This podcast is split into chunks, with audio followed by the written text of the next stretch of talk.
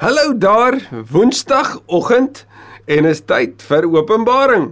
Ons is baie baie baie dankbaar dat jy saam met ons tyd maak vir hierdie tyd saam met die woord van die Here. Dalk is dit jou selgroep, jou omgegroep, dalk 'n klomp vriende of dit jy alleen wat net sit en sê alles sit nou stil en wees stil, ek wil hierop fokus. Hoe lekker is dit nie om te kan sê dat wanneer ek eers wil stop en wil nadink, ek dit kan doen. En hierdie platform maak dit moontlik. Miskien is jy iemand wat gereeld in persoon saam is, maar dis nie nou vir jou moontlik nie. Ek dink aan die wat nou in die Wildtuin byvoorbeeld sit en hierdie so beleef. Ons wil vir jou sê baie dankie dat jy saam steeds deelneem hieraan.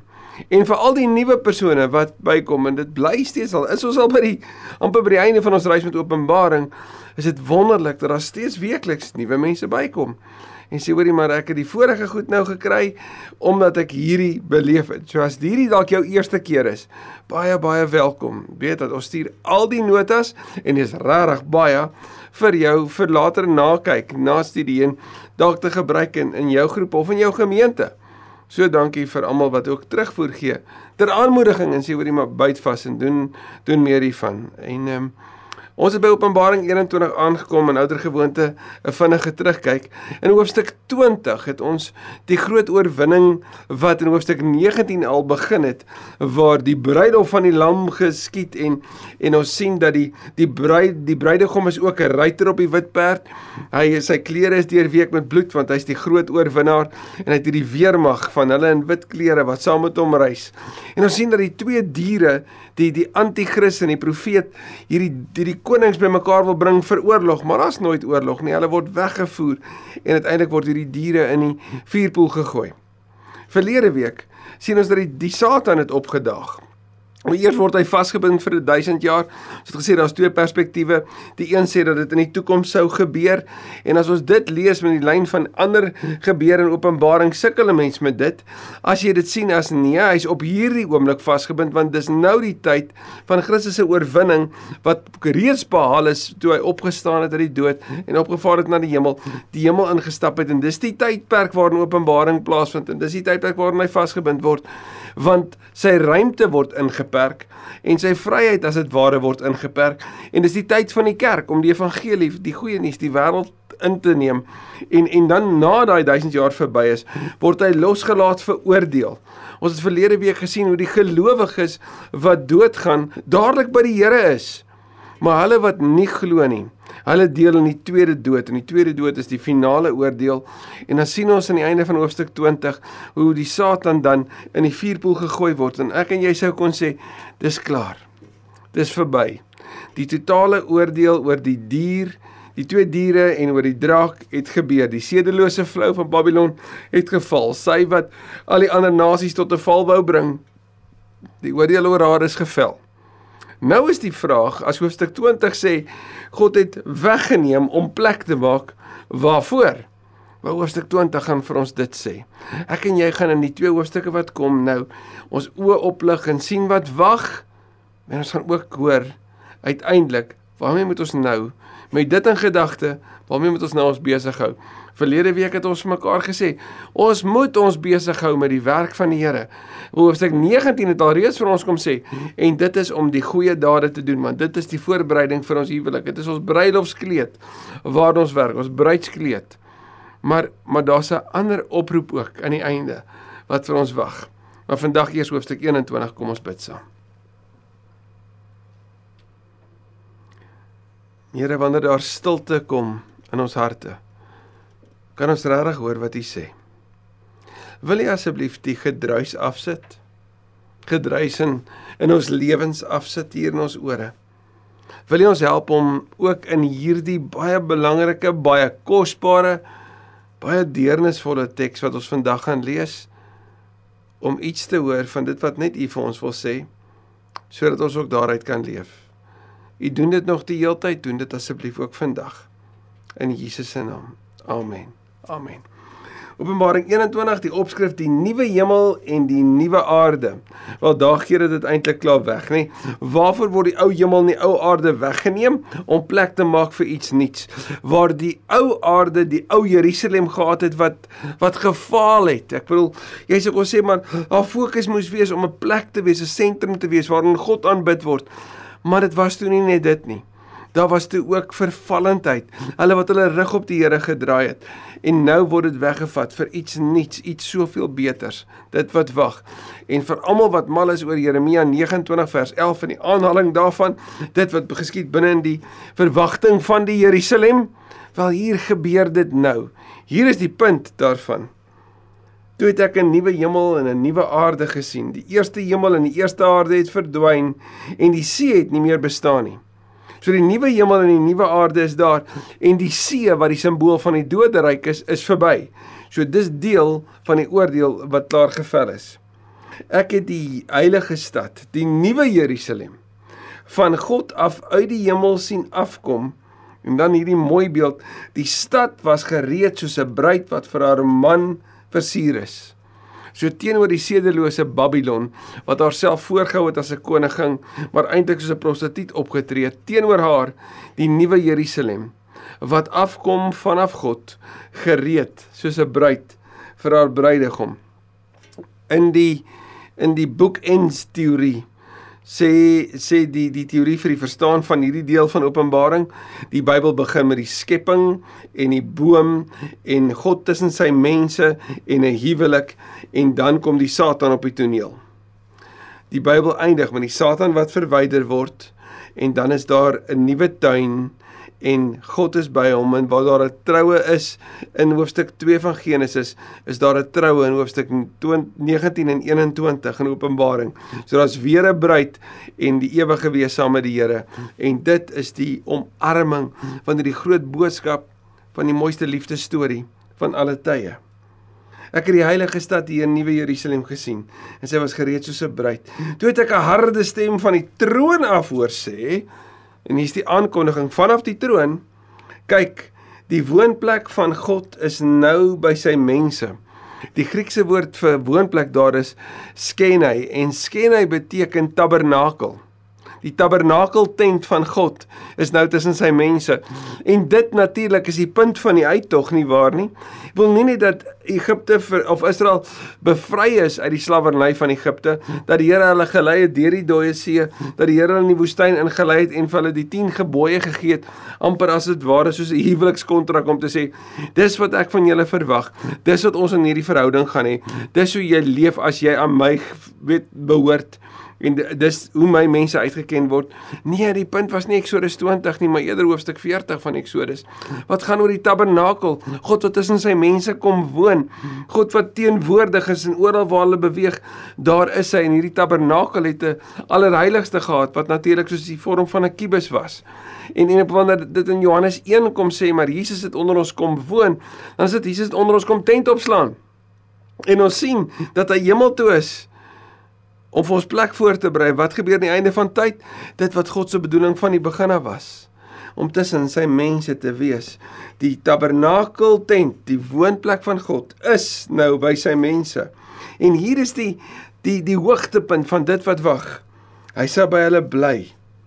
Hulle sal sy volke wees en God self sal by hulle wees as hulle God hierdie volke herinner ons aan Genesis 12. Abraham, ek maak jou lig vir die nasies. Jesus se opdrag Matteus 28, gaan na al die nasies toe. Wat gebeur aan die einde? Al die nasies, al die gelowiges uit al die nasies verskyn voor God. En hy is hulle God. Vers 4, hy sal die trane van hulle oë afdroog. Dis seker een van die mees teerste beskrywings van God se nabyheid in ons lewe. Nie net is ons die appel van sy oog nie en die die little man of the eye is wat die Hebreëus daarvan is.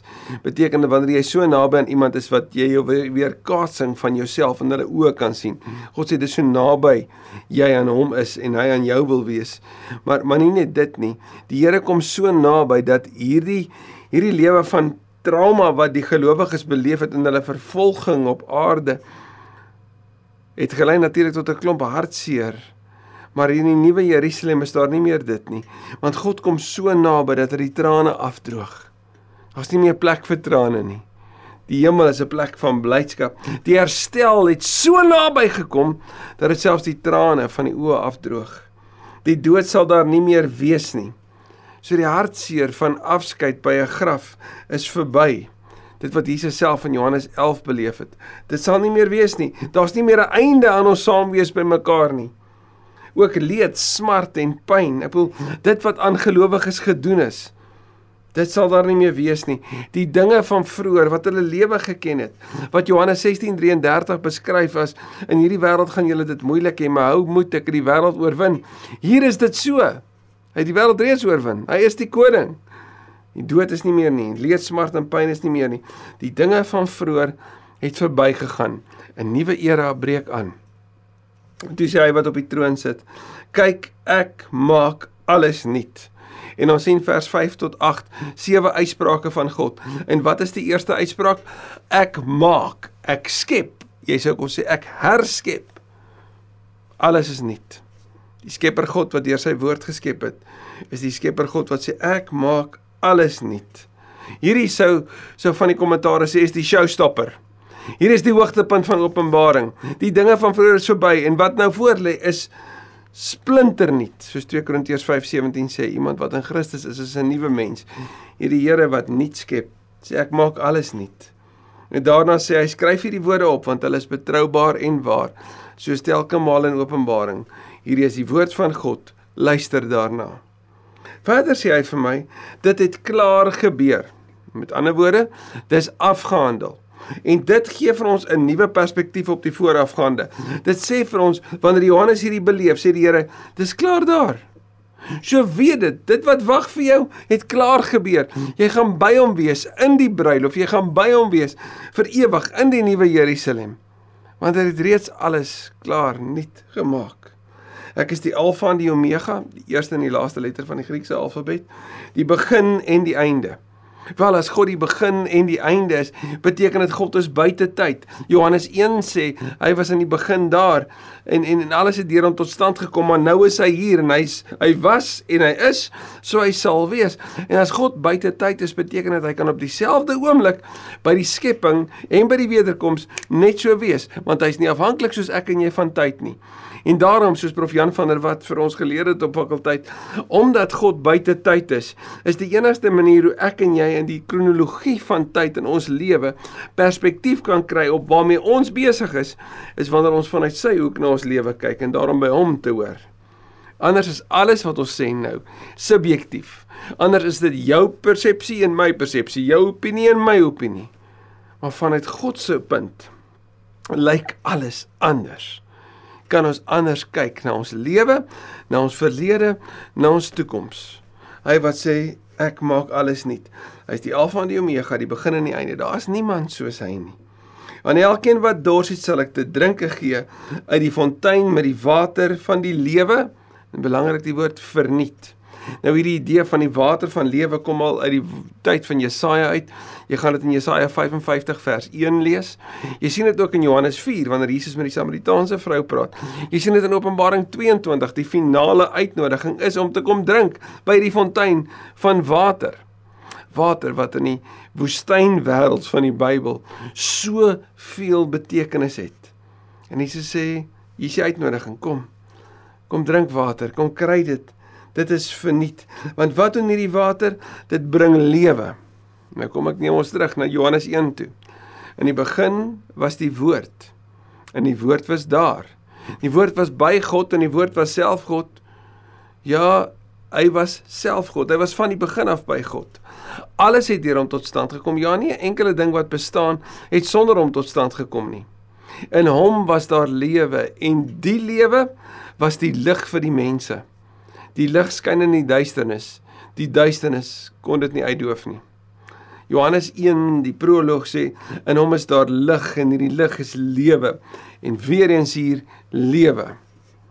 Ek wil die dief kom om te steel te slag en uit te roei sê hoofstuk 10 van Johannes ek het gekom dat julle die lewe kan hê dit in oorvloed en hier weer lewe kom na die fontein met water die fontein van lewe en kom kry dit verniet. So jy kan dit nie verdien nie, net soos wat jy nie die hemel kan verdien nie. Jy moet dit net ontvang. Elkeen wat die oorwinning behaal, sal dit alles kry. Aan die ander elkeen wat vasbyt, soos wat daar in hoofstuk 2 en 3 vir die sewe gemeentes gesê is, dat hulle moet vasbyt. Hulle sal die oorwinning kry. Dit is 'n 'n 'n versekering vir elke gelowige om te weet, wanneer jy vasbyt, gaan jy ook soos Paulus kan sê, ek het my my wedloop voltooi en nou wag die oorwinningsprys vir my. Hoofstuk 3 van Filippense sê ek hou my oog op Christus. Ek wil dit alles myne maak want hy het my reeds syne gemaak. En ek sal sy God wees en hy sal my seun wees. Dis so so persoonlik. Dit beskryf vir ons hoe die hoe die Here daar in Psalm 23 mos sê, nê, dat hy die herder is, dat hy ons nooi na die tafel toe, dat ons dat ons saam met hom sal eet, so hy's die gasheer. Maar dan eindig Psalm 23 met ek sal tuis wees in die huis van die Here tot 'n lengte van dae. So God roep ons nie om gaste in sy huis te wees nie, maar om kinders te wees waarin hy die Vader is. So vanaf Genesis 17 gaan jy hierdie bekende uitsprake van God kry in hierdie verbondstaal. Ek sal sy God wees en sy sal my seun wees. Maar die wat bang en ontrou geword het, die losbandig is en wat ons nou lees is 'n is 'n aanklagstaat vanaf die, regter teenoor hulle wat skuldig is. Die losbandiges, moordenaars en onsedelikes, bedrieërs en afgodsdienaars en al die leenaars Hulle lot is die poel wat met die vuur en swaal brand. Dis die tweede dood. Soos die een wat hulle gedien en gevolg het, die tweede dood beleef het en ons het dit in hoofstuk 20 gesien. So is die aanklag staat daarteenoor. Wat ons hierin moet sien is die totale teenstrydigheid tussen hulle wat aan God betrou wet getrou is, wat die oorwinning behaal, wat die bruid is, wat die by die bruidegom pas hierdie wat ontrou is, wat deel is van die sedelose vrou, die prostituut wat haarself voorhou as 'n koningin. Hulle lot is die tweede dood. Hulle lot is die ewige teenwoordigheid van die Here met die fontein van water waarin daar lewe is. En dan die beskrywing van die nuwe Jerusalem wat so in kontras met die beskrywing van van Rome en van Babylon is. Toe het een van die sewe engele wat die sewe bakke het waarin die sewe laaste pla was gekom en met my gepraat. En net soos wat hy hom voorheen gewys het, kom ek gaan wys jou wat met Babylon gebeur. Nou neem hy hom na die nuwe Jerusalem toe. Hy sê: "Kom, ek sal jou die bruid wys, die vrou van die lam." En jy gaan nou sien dat sy lyk net soos wat God beskryf word in hoofstuk 4. So die vrou is 'n verteenwoordiger van God. Sy sy pas so presies by hom want dis wat hy in haar teweeg gebring het. Die vrou van die lam. Ek is deur die Gees meegevoer en die engel het my na 'n groot hoë berg toe geneem. Israel is vol bergstories, ontmoetings met God, interaksies met God, belewennisse van God op die berg. Dink maar aan Moses en Elia. Die lam wat op Sionsberg staan en nou weer is hy op 'n groot hoë berg. En die heilige hierdie stad Jerusalem is vir my gewys wat van God af uit die hemel uit afkom. Die stad het die heerlikheid van God. Sy glans is soos van die kosbaarste edelsteen, soos 'n kristalhelder opaal. Nou kristalhelder opaal verwys hier waarskynlik na 'n diamant en hoe die lig en kleur van verskillende kante af inval en weer uit weet ehm um, uit weer kaats word. Nou hierdie klink so, so baie soos ek uh, Openbaring 4 waarin die hemel en die troon en die lig beskryf word. En hier sien ons die stad word so beskryf. Ek wil dit is alles wat hierdie hierdie bruid van haar bruidegom van die lam ontvang het. Die bruid gee nie voor soos die sedelose vrou van Babylon nie. Sy het die lig en sy het die klere en nou gaan ons sien sy het die edelgesteentes. Die stad het 'n groot hoë muur met 12 poorte. By die poorte is daar 12 engele en op die poorte is daar name geskrywe, die name van die 12 stamme van die volk van Israel. Nou in die wêreld van die Bybel in die antieke stede was al die stede was oordentlik om muur om hulle te hulle te beveilig. En en hierdie mure in in in Openbaring van die stad Jerusalem was nie om die stad te beveilig nie, want die vyand is oorwin. Wat dit eerder doen is dit dit veroorsaak dat die kleure wat daar binne gebeur weerkaas word die hele tyd. Hoor die mure, hoor die weerkaasing en die belewenis van van lig en van kleur en van feesviering. So word die stad beskryf. Die name wat op hulle geskryf is in die tyd van die Bybel as daar 'n 'n weldoener was of weldoeners was wat vir die stad goed was, was hulle name op die mure van die stad geskryf om aan hulle eer te bring. In hierdie geval is die name die 12 stamme van die volk van Israel en dit herinner ons aan God se storie van alle tye van die Ou Testament hoe hy hierdie 12 stamme gewerk het en hierdie name was vir almal om te sien. Gaan lees gerus Esegiel 48 meer daaroor. Vers 13. Aan die ooste kant is daar 3 poorte en aan die noorde kant 3 en aan die suide kant 3 en aan die weste kant 3. Met ander woorde, daar's 12 poorte, né? Nee? 4 maal 3. Die stad se muur het 12 fondamente en daarop is daar ook 12 name en die van die 12 apostels van die lam. So ons het die name van die 12 stamme en nou het ons die name van die 12 apostels. Weereens die ganse kerk van alle tye, die volledige storie, Ou Testament, nie Nuwe Testament, hier bymekaar in die nuwe Jerusalem, die herskepte Jerusalem, dit wat nuut geskep is en God se wêreld, God se nuwe wêreld wat hier aanbreek. Gaan lees gerus oor hierdie fondamente in 1 Korintiërs 3 en 1 Korintiërs 15 hieroor. Die engel wat met my gepraat het, het 'n goue meetstok gehad en en daarmee die stad self sy poorte en om daarmee die stad self sy poorte en sy muur te meet. En nou weet ek jy ken die woord, so jy weet hierdie staan natuurlik in Esegiel.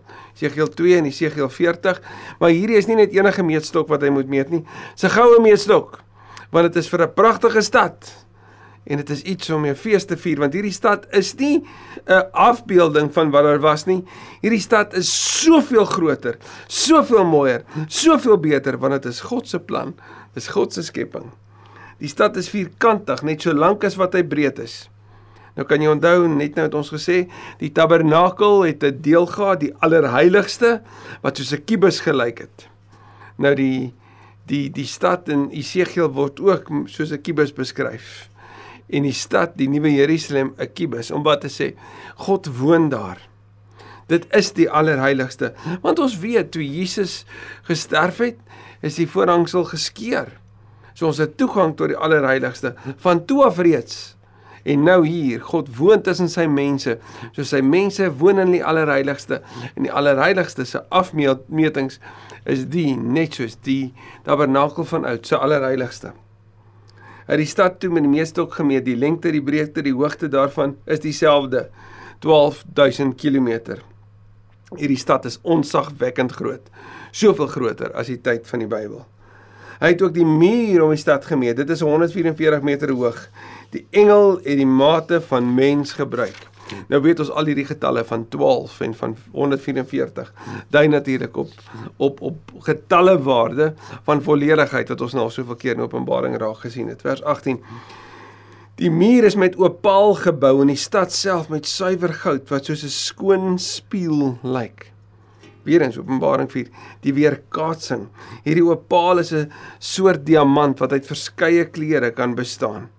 So die muur weerkaats lig en kleur en alles hier binne in hierdie nuwe stad. Hierdie stad wat die bruid is van haar bruidegom. Haar bruidegom wat beskryf word as iemand van lig en kleur en om hom is daar lewe en daar's 'n spieelgladde see.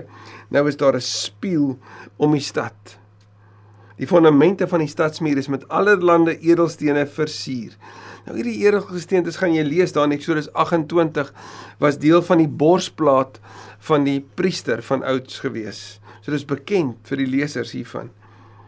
Die eerste fondament met opaal, die tweede met safier, die derde met agaat, die vierde met smarag, die vyfde met sardonyx, die sesde met karnieul, die sewende met krisoliet, die agste met beryl, die negende met topaas en die tiende met krisopras die 11de met hyasint en die 12de met ametis. En al hierdie edelgesteentes het almal op 'n baie unieke waarde, seldsaam uh, voorgekom, soos hoë waarde, superkleur en lig wat weerkas word daardeur. Kan jy jouself indink hoe hierdie stad moes gelyk het of moet lyk? Die 12 poorte is 12 parels. Elkeen van die poorte is uit een parel gemaak. Die strate van die stad is van suiwer goud, blink soos 'n spieël. Die stad is gereed en sy pas by haar bruidegom. 'n Tempel het ek nie in die stad gesien nie, want sy tempel is die Here God, die Almagtige en die Lam.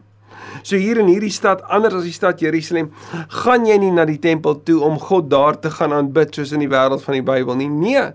Hier is die ruimte, die plek waar God aanbid word. Daarom is dit die die Here self wat aanbid word en is dit daarom die tempel? Want hy is die een die almagtige die lam. Dis die hoogtepunt van die van die woord Immanuel wat vir ons wag. Die stad het nie 'n son en maan nodig om dit te verlig nie want die heerlikheid van God het hom verlig en die lam is sy lamp in die wêreld van die Bybel was was stede maar swak verlig in die nag geweest. Ja, jy kon 'n stad op 'n berg sien, maar met swak lig. Hulle het nie die lig gehad wat ons vandag het nie. Die lig waaronder ek byvoorbeeld nou staan nie, was maar swak in die aand geweest. Maar teenoor dit het die stad in die nuwe Jerusalem nie lig nodig nie, want God is die lig en die en die lam is sy lamp.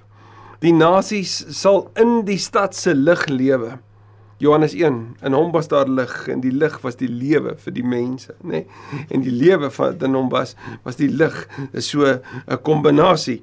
En die nasies sal die stad in die stad se lig lewe en die konings van die aarde verleen. Luister daaraan. Luister is 'n beskrywing van eer.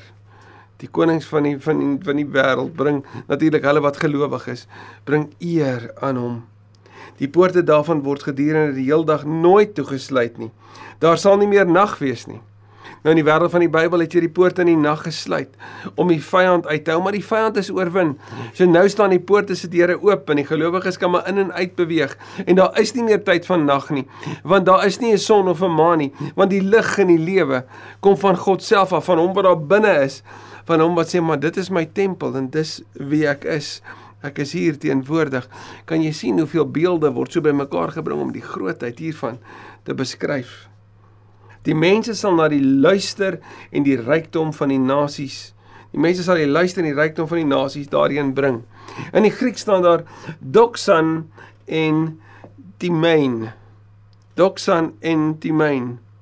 Dit is die eer, die glorie, die doxa en timein beteken die eer van die nasie. So ons gaan die glorie en die eer sal aan God gebring word.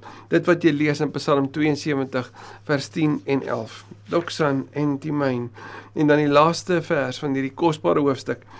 Niks onreins en niemand wat iets losbandig en vals doen sal ooit daarin kom nie. Reg van toegang voorbehou. Maar net die wie se naam in die boek van die lewe die boek van die lam geskryf word. En elke stad het 'n stadsregister gehad. En hierdie stadsregister is hulle wie se naam in die boek van die lewe deur die bloed wat hulle van die lam wat dit moontlik gemaak het in die boek van die lewe staan. Dis hulle wat uit keuse sê Here ons wil U volg. Here ons wil by U wees. Hoe begin die Bybel? God wat skep. God wat tussen sy mense woon. God wat aan sy mens die keuse stel. Die Satan wat inkom en die mens verlei en die sonde wat verwydering bring. Christus wat kom. 'n Nuwe wêreld oopbreek en en die Satan oorwin. En die mense wat aan Christus wat vir Christus gekies het, beleef die oorwinning van die Satan, beleef die teenwoordigheid van die Here in 'n nuwe in 'n nuwe ruimte en hulle wat uit vrye wil wat God se bedoeling van die beginne was, wat uit vrye wil vir God kies, kan sy heerlikheid vir altyd beleef. Daar's nie meer donker nie, daar's nie meer sonde nie, daar's nie meer kwaadwilligheid of rebellie teen die Here nie, want almal wat burgers van hierdie koninkryk is, wil daar wees En daarom is daar nie plek vir hulle wat nog wil deelneem in die donker nie. Hulle is verwoes. Dis verby. Wie hier is is nie mense wat onrein of losbandig of vals is nie. Nee, hulle name staan in die boek van die lewe in die stadsregister van die nuwe Jerusalem. En wie is hulle? Dis hulle wat in Romeine 10 ons van lees wat glo en bely. Hulle bely dat Jesus die Here is en glo dat God hom uit die dood uit opgewek het. Is jou naam in die stadsregister van die nuwe Jerusalem geskryf? As dit so is, dan wag daar die mooiste hoop en die mooiste toneel, die mooiste ervaring, die mooiste gebeurtenis, ja, die mooiste realiteit vir jou en daarom kan ons nou reeds so leef. Amen. Kom ons bid. Vader, dit is 'n kosbare hoofstuk met soveel om oor te dink. Ek dink aan hulle wat op hierdie oomblik moet hoor maar die Here sal trane afdroog. En hulle wat by 'n hospitaalbed op hierdie oomblik moet staan. Jy moet hoor maar daar gaan nie meer dood wees nie. En hulle wat onderdruk word, gepynig word, mishandel word. Om te hoor daar sal nie meer leed, smart en pyn wees nie. Om te weet die dinge van vroeër is verby. Wat 'n troos hier om vandag te weet U maak alles nuut. Wat 'n troos om te weet U kom tent opslaan tussen ons. U wil nie ver weg wees nie. Nee, wat wag is 'n ewige ewige teenwoordigheid van U tussen U mense. Here die kleure en die blink en die lig wat Openbaring vir ons beskryf is so oorweldigend dat ons kan net so klein stukkie daarvan beleef en dan staan ons net stil asemrowend stil omdat jy ons asem wegslaan oor hoe hoe wonderlik mooi dit is. Wil jy ons help om dit nooit te vergeet nie. Dankie Here dat daar 'n 'n plek is wat wag waar ons name op die boek van die lewe geskrywe staan waar ons in en uit kan beweeg. Maar dat ons nou reeds kan weet ons leef in die tyd van die oorwinnaar. Mag dit ons help om ook nie te leef vandag in Jesus se naam. Amen. Jy het 'n baie mooi week en as die Here wil, sien ons mekaar volgende week en dan neem ons dit verder.